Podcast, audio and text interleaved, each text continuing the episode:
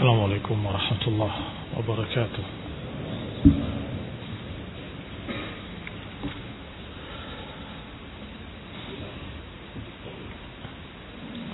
إن الحمد لله نحمده ونستعينه ونستغفره ونعوذ بالله من شرور أنفسنا ومن سيئات أعمالنا من يهده الله فلا مضل له ومن يضلل فلا هادي له وأشهد أن لا إله إلا الله وحده لا شريك له وأشهد أن محمدا عبده ورسوله صلى الله عليه وعلى آله وأصحابه والتابعين وتابع التابعين ومن تبعهم بإحسان إلى يوم الدين.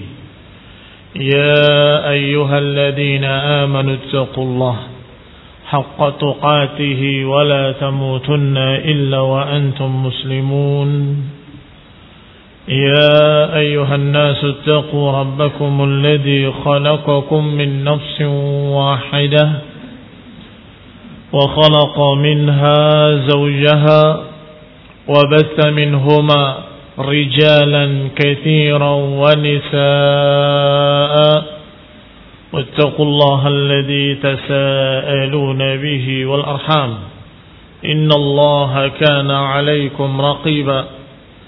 يا أيها الذين آمنوا اتقوا الله وقولوا قولا سديدا. يصلح لكم أعمالكم ويغفر لكم ذنوبكم ومن يطع الله ورسوله فقد فاز فوزا عظيما. أما بعد فإن خير الحديث كتاب الله وخير الهدي هدي محمد صلى الله عليه وعلى آله وسلم وشر الأمور محدثاتها فإن كل محدثة بدعة وكل بدعة ضلالة وكل ضلالة في النار Ikhwani fi din, a'azzakumullah, kaum muslimin yang saya hormati. Sebagaimana sudah kita sampaikan bahwa pembahasan hari ini insyaallah adalah doa il ahya wa sadaqatuhum manfaatun lil amwat. Pembahasan tentang doa orang yang hidup dan juga sedekah dari orang yang hidup bermanfaat untuk orang-orang yang telah mati. Akhwani fi din, a'azakumullah. Berkata Asy-Syarih wa huwa Ibn Abdul Aziz Al-Hanafi rahimahullah menerangkan maksud ucapan musannif wa huwa Abu Ja'far At-Tahawi ketika Abu Ja'far menyatakan وفي دعاء الأحياء وصدقاتهم منفعة للأموات في دعاء الأحياء pada doanya orang hidup dan sedekah mereka bisa bermanfaat untuk orang-orang yang telah mati. Kata syarih, kata Ibn Abdul Aziz, sepakat ahlus sunnah. Ittafaqa ahlu sunnah annal amwata yantafi'una min sa'yil ahya'i bi sepakat seluruh ulama ahlu sunnah bahwasanya orang-orang mati bisa mendapatkan manfaat dari usaha orang yang hidup dengan dua perkara. Yang pertama, ma tasabbaba ilaihi al-mayyit fi hayatihi yang pertama adalah apa yang merupakan perkara-perkara yang disebabkan oleh usaha orang yang mati tersebut ketika hidupnya. Tolong dipahami dengan baik. Yang pertama adalah apa yang disebabkan oleh usaha si mayit ketika hidupnya. Apa contohnya? Contohnya sadaqatun jariyah. Seorang yang bersedekah dengan sedekah yang mengalir manfaatnya terus-menerus. Membangun masjid dan masjidnya terus dimakmurkan untuk dakwah sunnah, dakwah tauhid, maka terus si mayit mendapatkan manfaat dari sedekahnya yang jariah. Demikian pula seorang yang ketika hidupnya mendidik anaknya dengan baik. Sehingga anaknya menjadi anak yang saleh. Yad'u lahu berdoa untuknya walaupun ketika wafatnya. Maka anak saleh tadi setiap berdoa memberikan berbagai macam amalan-amalan yang saleh untuk orang tuanya, orang tuanya mendapatkan pahalanya. Mengapa? Karena solehnya anak ini min sa'yi abihi.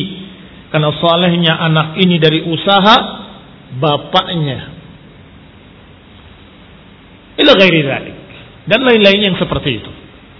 Berarti apa kesimpulan yang pertama? Bahwa orang yang telah wafat bisa mendapatkan manfaat dari orang yang hidup karena dua hal. Yang pertama, perkara-perkara yang disebabkan oleh usaha si mayit ketika hidupnya. Kebaikan-kebaikan yang merupakan usaha si mayit ketika hidupnya. Walaupun dia wafat, tetapi manfaatnya terus berlangsung, maka dia terus mendapatkan manfaatnya. Seperti kitab-kitab para ulama yang dibaca oleh kaum muslimin. Setiap kita membaca kitab para ulama, maka para ulama di kuburnya Para ulama yang telah wafat mendapatkan manfaat, mendapatkan pahala ketika kitabnya dibaca dan dimanfaatkan. Yang pertama. Yang kedua, doanya kaum muslimin. Dan tentunya ini muttafaq alaih disepakati oleh seluruh para ulama karena memang Rasulullah SAW mengajarkan untuk kita mendoakan al-amwat mendoakan orang-orang mati. Kalau saja tidak bermanfaat, nggak mungkin diajarkan. Alaysa kadzalik? Doa diajarkan oleh Rasulullah SAW ketika menyolatkan jenazah. Allahumma gfir lahu warhamhu wa'afihi wa'fu anhu ila akhirnya. Diajarkan pula ketika kita memasuki perkuburan. Assalamualaikum ahli diyar. Minal mu'minin wal muslimin. Antum sabiqun wa inna insyaallah bikum lahiqun. Nas'alullah lana wa lakumul afiyah. Kami memintakan untuk kami dan untuk kalian afiyah. Diajarkan doa. Berarti doa kaum muslimin untuk orang-orang yang telah wafat bermanfaat atau tidak bermanfaat jelas bermanfaat karena diajarkan. Tidak mungkin diajarkan sesuatu yang tidak bermanfaat. Wastighfaruhum lahu dan juga permintaan ampun. Sama doa juga tapi lebih khusus lagi permintaan ampun dari kaum muslimin.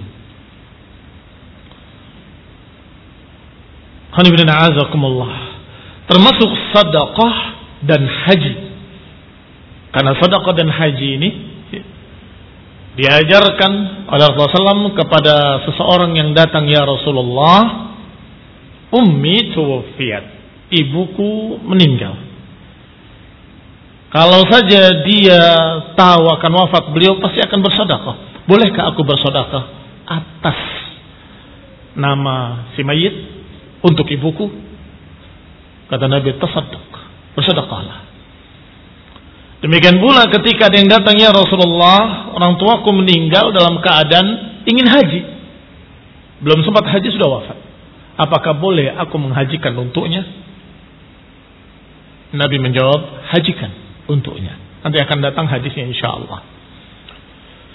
Maka ini perkara-perkara yang muttafaq karena semuanya dengan dalil-dalil yang sangat jelas wadah.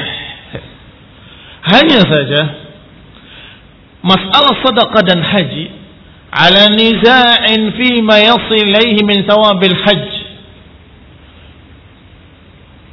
Ada perselisihan sedikit dalam masalah sedekah dan haji.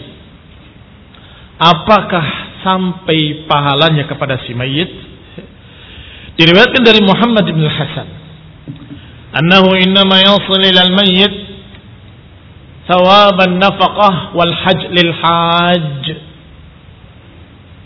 berkata Muhammad bin Hasan sepertinya Asy-Syaibani yaitu sahabatnya Abu Hanifah murid terdekatnya Abu Hanifah bahwasanya akan sampai kepada mayit pahala nafkah.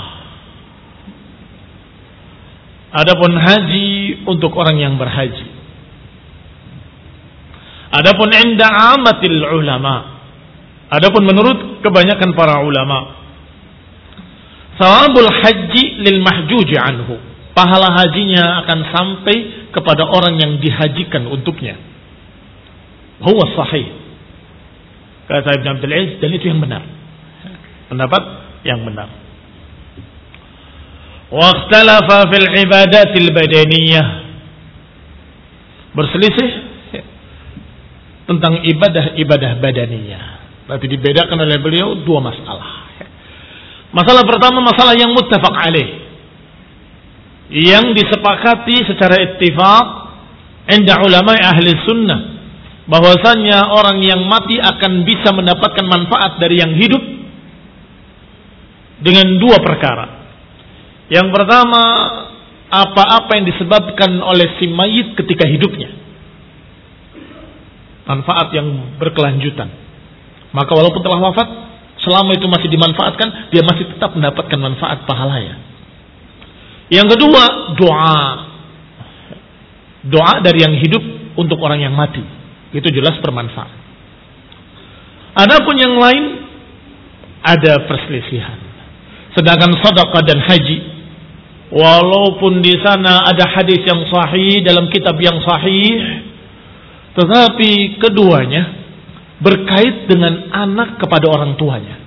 Ibuku meninggal, bapakku meninggal, ya Rasulullah orang tuaku sehingga Beberapa ulama menganggap khusus bagi seorang anak pada orang tuanya. Sehingga tidak bertentangan dengan hadis yang sahih, "Idza mata Adam in qata'a amaluhu illa min salat." Jika seorang anak, ham, anak hamba atau seorang hamba anak Adam meninggal, terputus amalan-amalannya. Illa min salat. Kecuali dari tiga. Sadaqatun jariyah wa ilmun yuntafa'u bih wa waladun salih yad'u lahu. Pertama, sedekah yang jariah. Sedekah yang terus-menerus manfaatnya mengalir seperti membangun pondok pesantren, membangun masjid atau memberikan kepada masyarakat sumur, menggalikan sumur untuk masyarakat, maka selama sumur itu dipakai, dia terus mendapatkan manfaatnya walaupun telah wafat. Yang kedua, ilmu yuntafa'u ilmu yang bermanfaat. Apa yang diajarkan kepada murid-muridnya? Selama murid-muridnya memanfaatkan ilmu tersebut, maka si guru mendapatkan pahalanya walaupun telah wafat. Atau kitab-kitab yang ditulisnya, atau rekaman-rekaman yang direkam kajian-kajiannya, atau berbagai macam apa yang dia tulis. Semuanya selama itu masih bermanfaat, maka orang itu mendapatkan pahalanya walaupun telah wafat. Yang ketiga, waladun salih yad'u lahu. Anak yang saleh yang mendoakan untuk orang tuanya. Yang ketiga ini waladun saleh yang kita maksud sehingga ketika anaknya saleh beramal dengan amalan yang saleh karena itu min sa'i abihi karena itu dari usaha bapaknya, usaha ibunya, usaha orang tuanya, maka dia mendapatkan manfaat pahalanya walaupun telah wafat. Anaknya mau berbuat sesuatu, ingat apinya mengatakan jangan. Ketika dia mau berbuat jelek, ingat ibunya mengatakan jangan nak, tidak boleh itu haram. Dia ingat. Dan dia menjadi saleh karena didikan bapak ibunya. Maka setiap anak ini beramal dengan amalan saleh ataupun dia menghindari perkara yang haram, hasil didikan orang tuanya, orang tuanya mendapatkan manfaatnya. Sehingga ketika mereka bertanya, ya Rasulullah orang tuaku meninggal belum haji, padahal dia akan haji. Bolehkah aku menghajikan untuknya? Hajikan untuknya. Ya Rasulullah orang tua aku meninggal dalam keadaan dia ingin bersedekah. Bolehkah aku bersedekah untuknya? Bersedekahlah untuknya. Maka dua perkara ini kata para ulama atau sebagian para ulama bahwa itu khusus dari anak kepada orang tuanya. Di antaranya ini adalah ucapan Syekh Al-Albani ketika mengomentari memberikan footnote pada kitab ini kitab Aqidah Tahawiyah bahwa itu adalah khusus. Adapun sepertinya penulis kita ini Ibn Abdul Aziz Al-Hanafi menganggap am, menganggap umum. Siapa pun boleh menghajikan orang lain, siapa pun boleh bersedekah atas orang lain. Ini khonidina azakumullah perbedaan antara dua kelompok para ulama. Adapun permasalahan yang selain itu, ikhtilafnya lebih besar lagi. Waktalafa fil ibadatil badaniyah. Maka mereka para ulama berselisih tentang ibadah yang dilakukan dengan badan.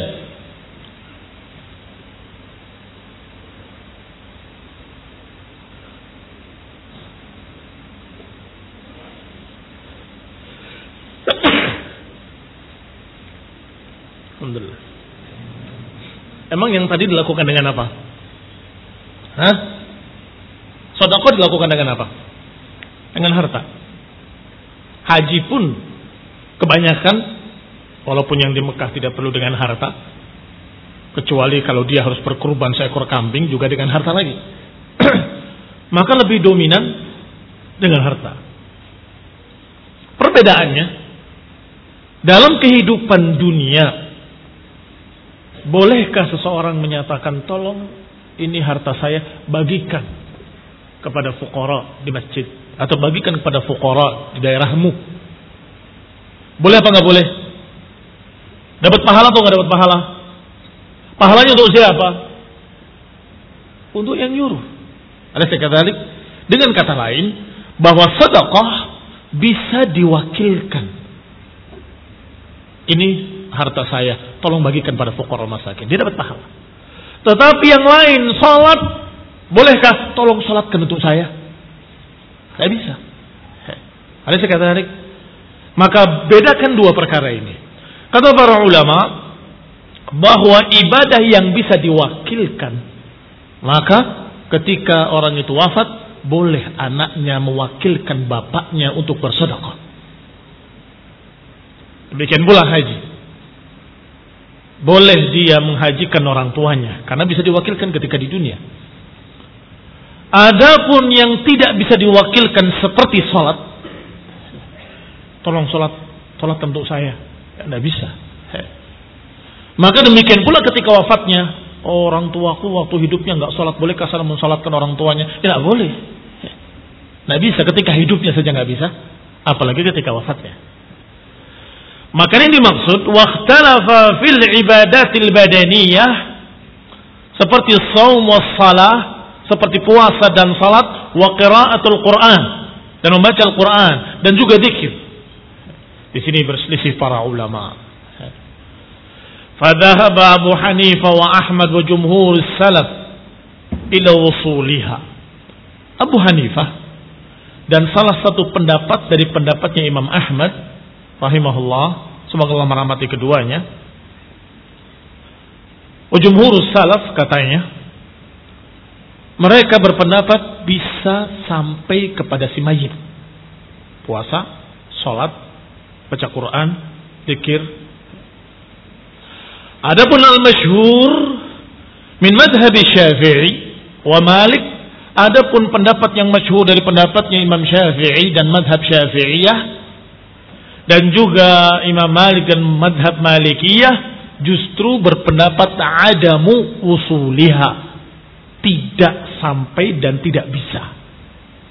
Dengan alasan tadi. Kalau sedekah bisa diwakilkan orang lain.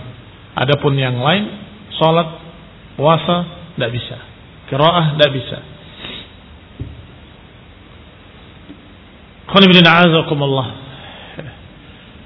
Jadi kalau masyarakat muslimin di sini bermadhab dengan madhab syafi'i, harusnya mereka berpendapat tidak sampai bacaan Quran kepada si mayit. maka tidak disunahkan untuk kirim-kiriman Fatihah ila hadrati fulan ibni fulan al-Fatihah. Gak nyampe kata Imam Syafi'i, kata Imam Malik. Justru yang menganggap sampai adalah Abu Hanifah dan Imam Ahmad dalam salah satu pendapatnya. Karena Imam Ahmad pernah memiliki pendapat yang begini dan begitu.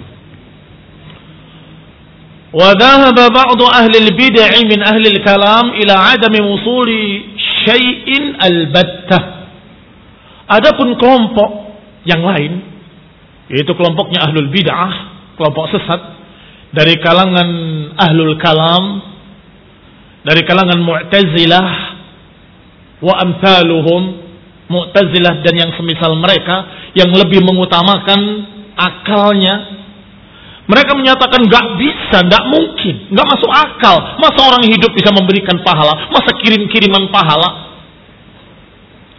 Hati-hati. muslim yang saya hormati. Dalam perkara din, dalam perkara agama, tidak boleh ifrat, tidak boleh tafrid. Tidak boleh ekstrim ke kanan, nggak boleh ekstrim ke kiri. Apa hujahnya, apa dalilnya, pegang kuat-kuat. Berlebih-lebihan salah, berkurang-kurangan juga salah. Demikian pula dalam masalah sampai atau tidak sampainya. Manfaat orang hidup atau pahala orang hidup untuk orang yang mati. Adapun yang ekstrim ke kanan atau ekstrim kiri menganggap semua tidak sampai. Bahkan yang tadi kita katakan para ulama sepakat apa itu?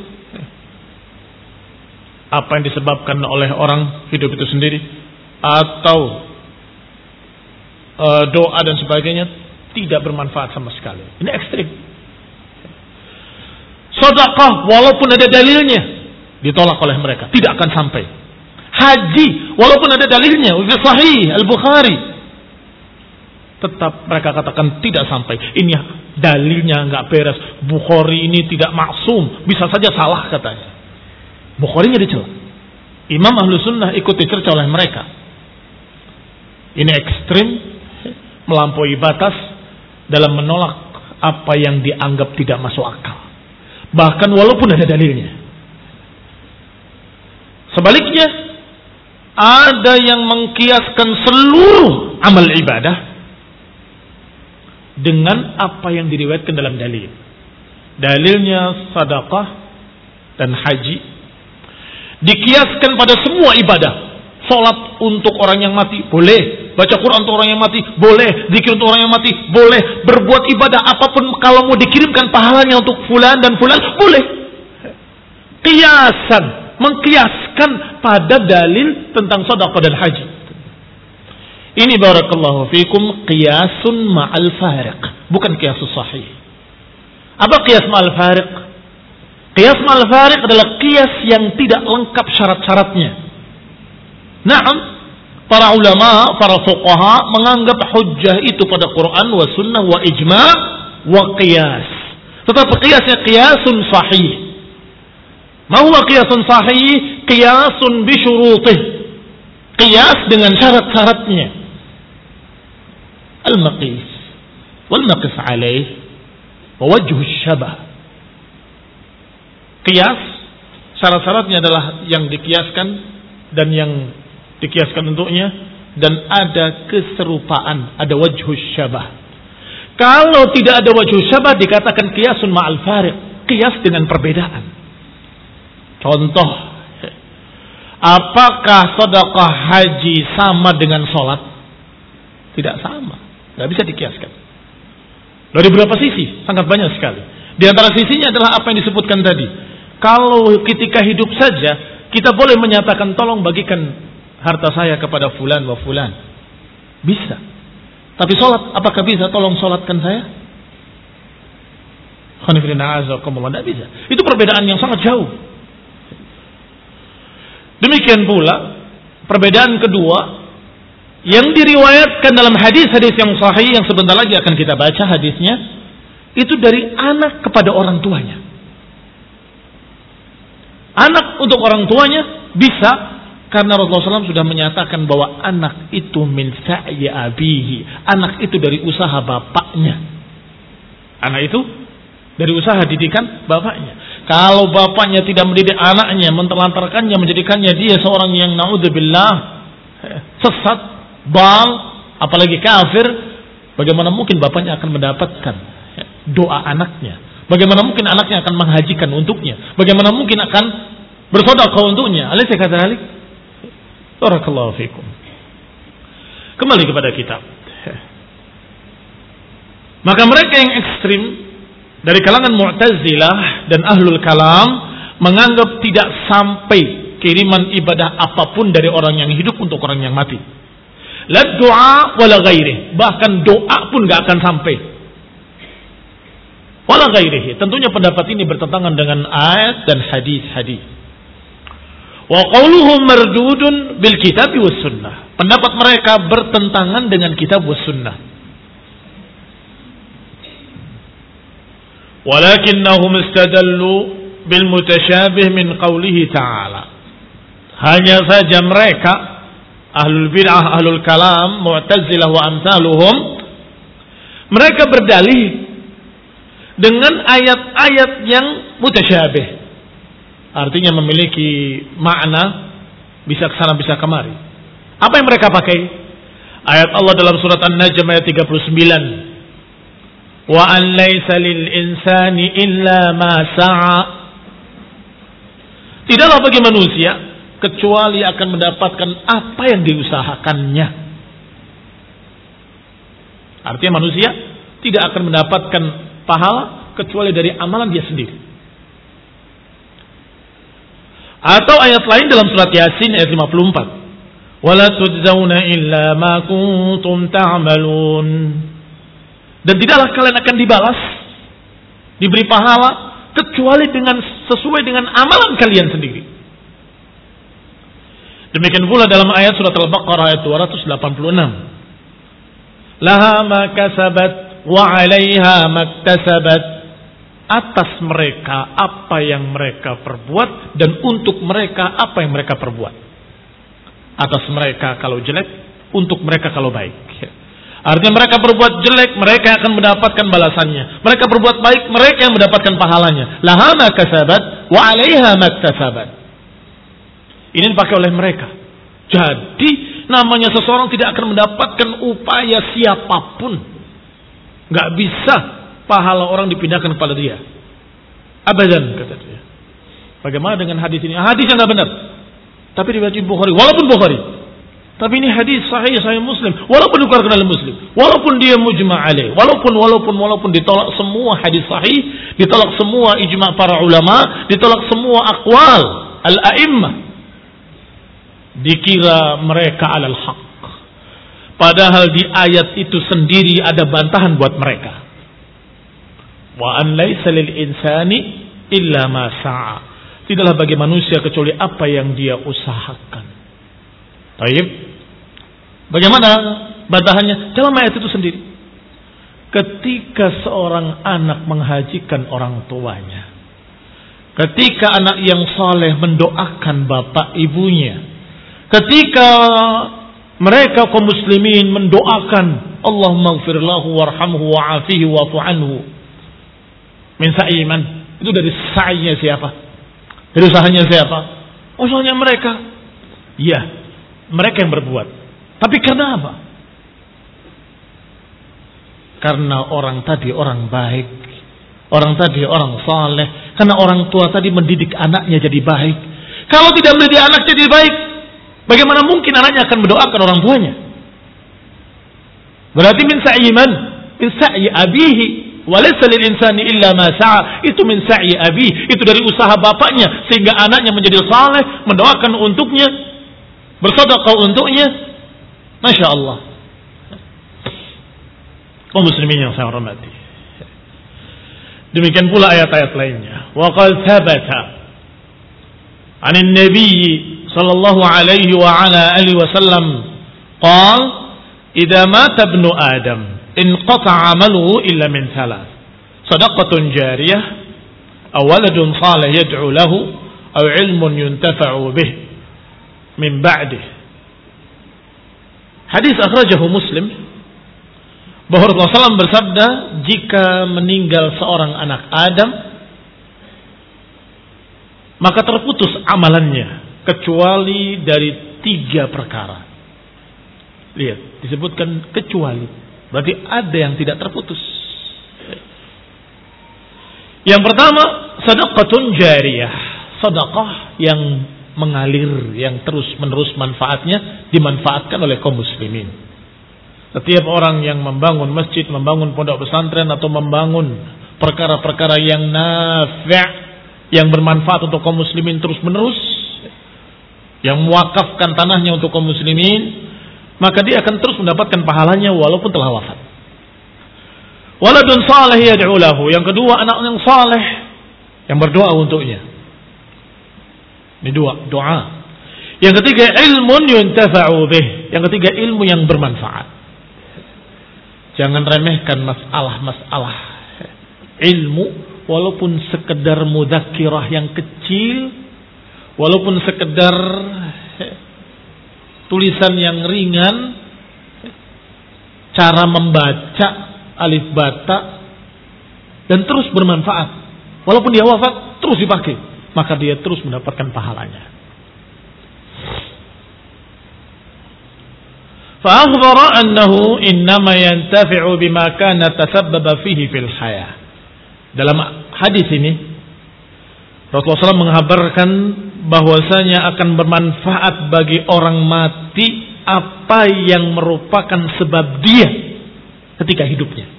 Akan bermanfaat baginya apa yang merupakan sebab dia ketika hidupnya.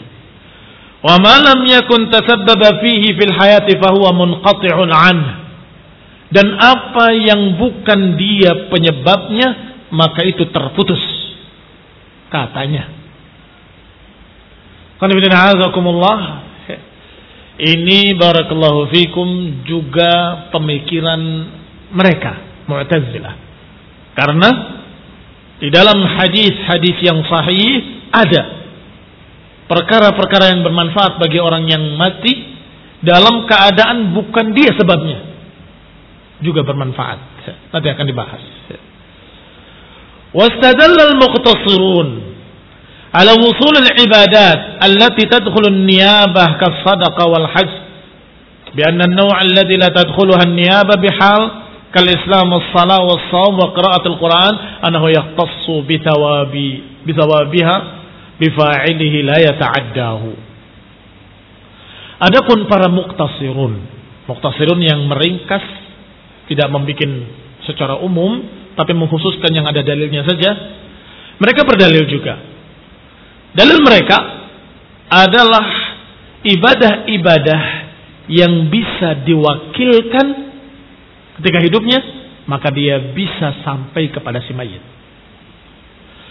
Adapun ibadah yang la tadkhuluhan niyabah bihal, adapun ibadah yang tidak mungkin bisa diwakilkan, bagaimanapun juga, maka dia tidak bisa dikirimkan tidak bisa pula digantikan oleh orang lain, apalagi ketika matinya. Apa contohnya yang bisa diwakilkan?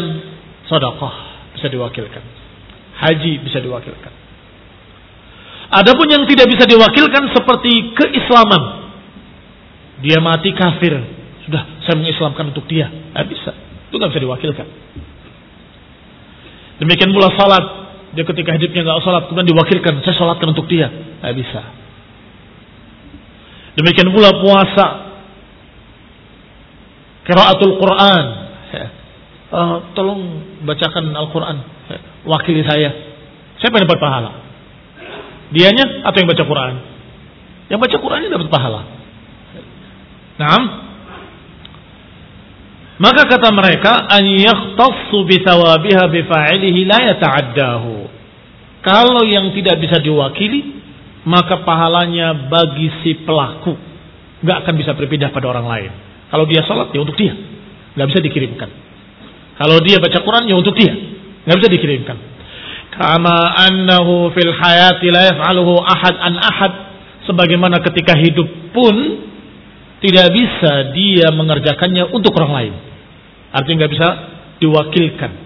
La yanubu fihi an fa'ilihi nggak bisa diwakilkan oleh orang lain mengerjakannya. Bahkan diriwayatkan asar yang sahih mauquf. Ala Ibn Abbas radhiyallahu taala anhuma. La yusalli ahadun an ahadin. Wa la yasumu ahadun an ahadin. Walakin yut'im anhu makana kulli yawmin muddan min di sini disebutkan dari Nabi SAW tetapi yang sahih mauquf Mauquf itu tidak sampai kepada Nabi, tapi berakhir hanya pada ucapan Ibnu Abbas. Itu yang sahih.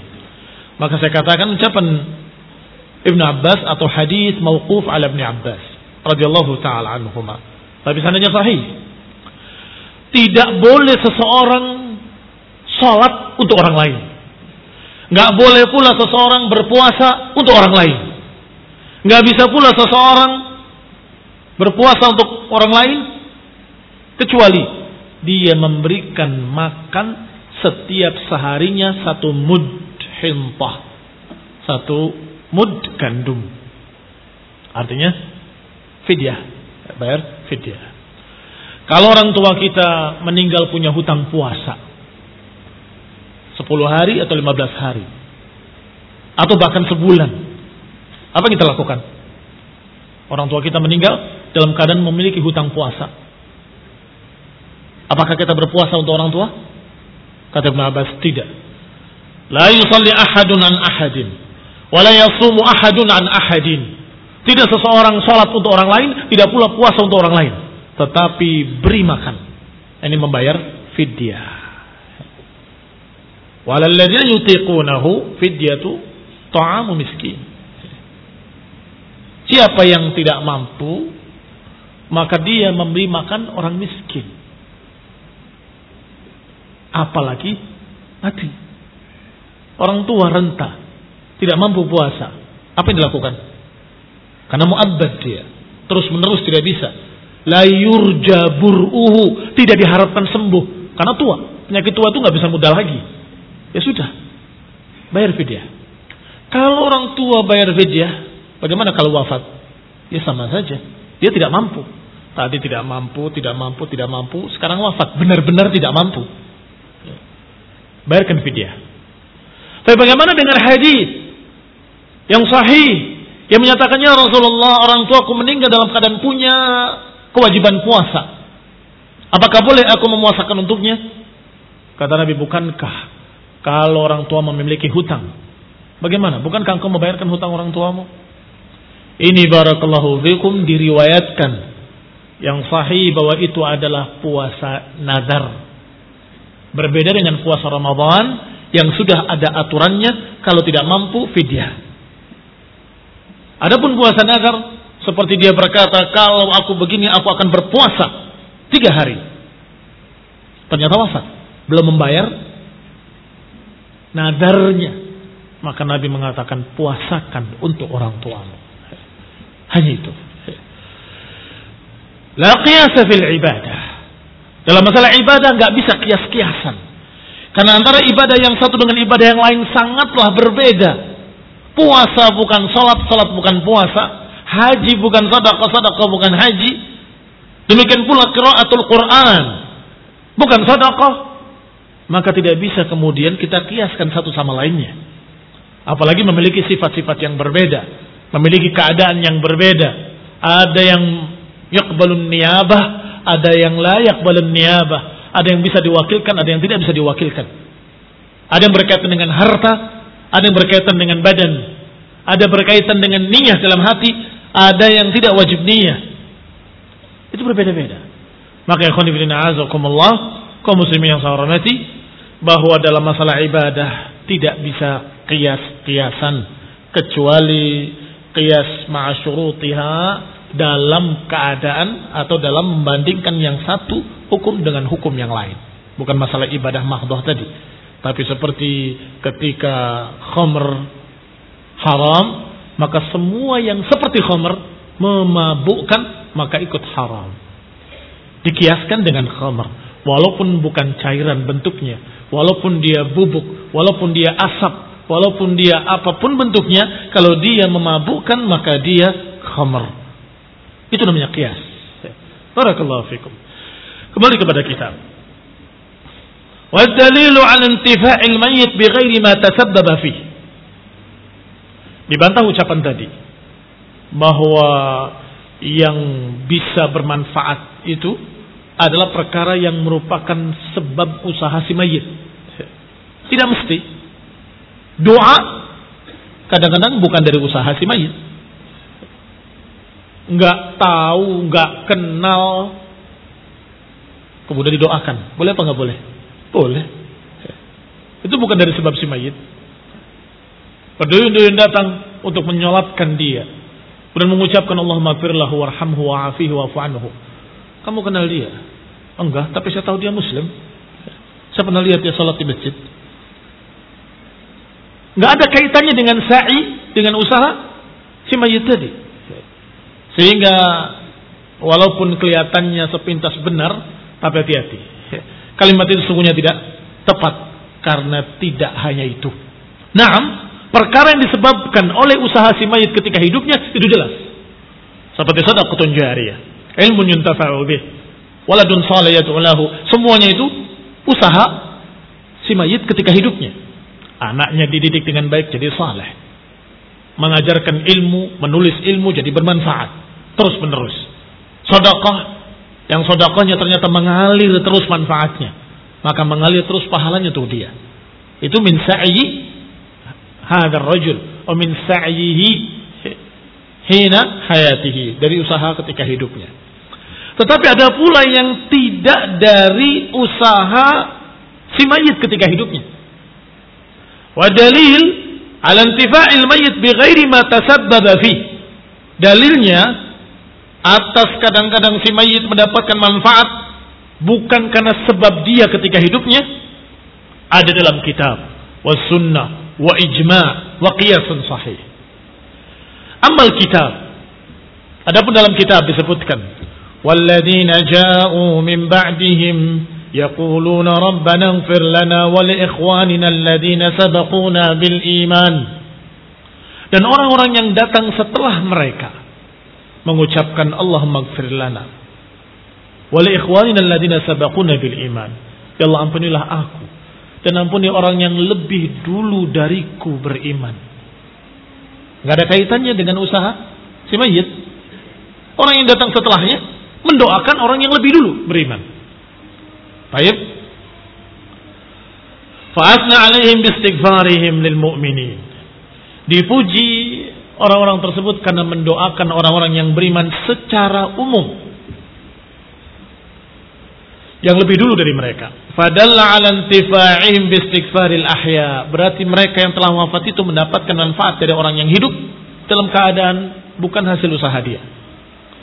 Qad dalla 'ala intifa'il mayyit biddu'a ijma'il ummah. Bahkan berdalil dengan ijma'ul ummah bahwa para ulama bersepakat bahwa si mayit mendapatkan manfaat dari doa orang yang hidup. Berkait dengan sebab ataupun tidak berkait dengan sebab. Yang berkait dengan sebab misalnya, oh itu teman saya, pernah nolong saya dulu, Allahumma gfirlahu warhamhu wa'afihi wa'fanu. Ini mungkin kita katakan min sa'yihi dari usaha dia ketika hidupnya. Karena dia baik, menolong orang ini, maka ketika dia mati didoakan.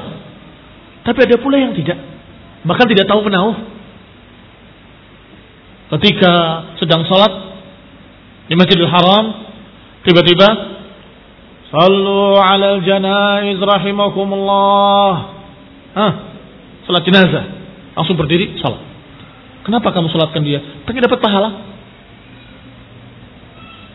Siapa yang mati? Tidak tahu Yang jelas muslimin Hal tersababa Apakah ada sebab Dari yang mati tadi kepada orang yang hidup tadi Tidak ada sebab apa-apa Nyampe atau tidak nyampe? Kalau Allah kehendaki, dikabulkan doanya.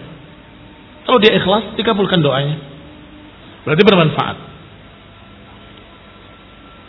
Wal ad'iyah allati waradat biha sunnah fi salatil janazah. Demikian pula doa-doa yang diajarkan dalam sunnah ketika salat jenazah. Mustafidah sangat banyak Wa kada doa lahu ba'da dafan. Demikian pula doa ketika menguburkan atau ketika kita mengantar jenazah. Ketika kita masuk ke perkuburan.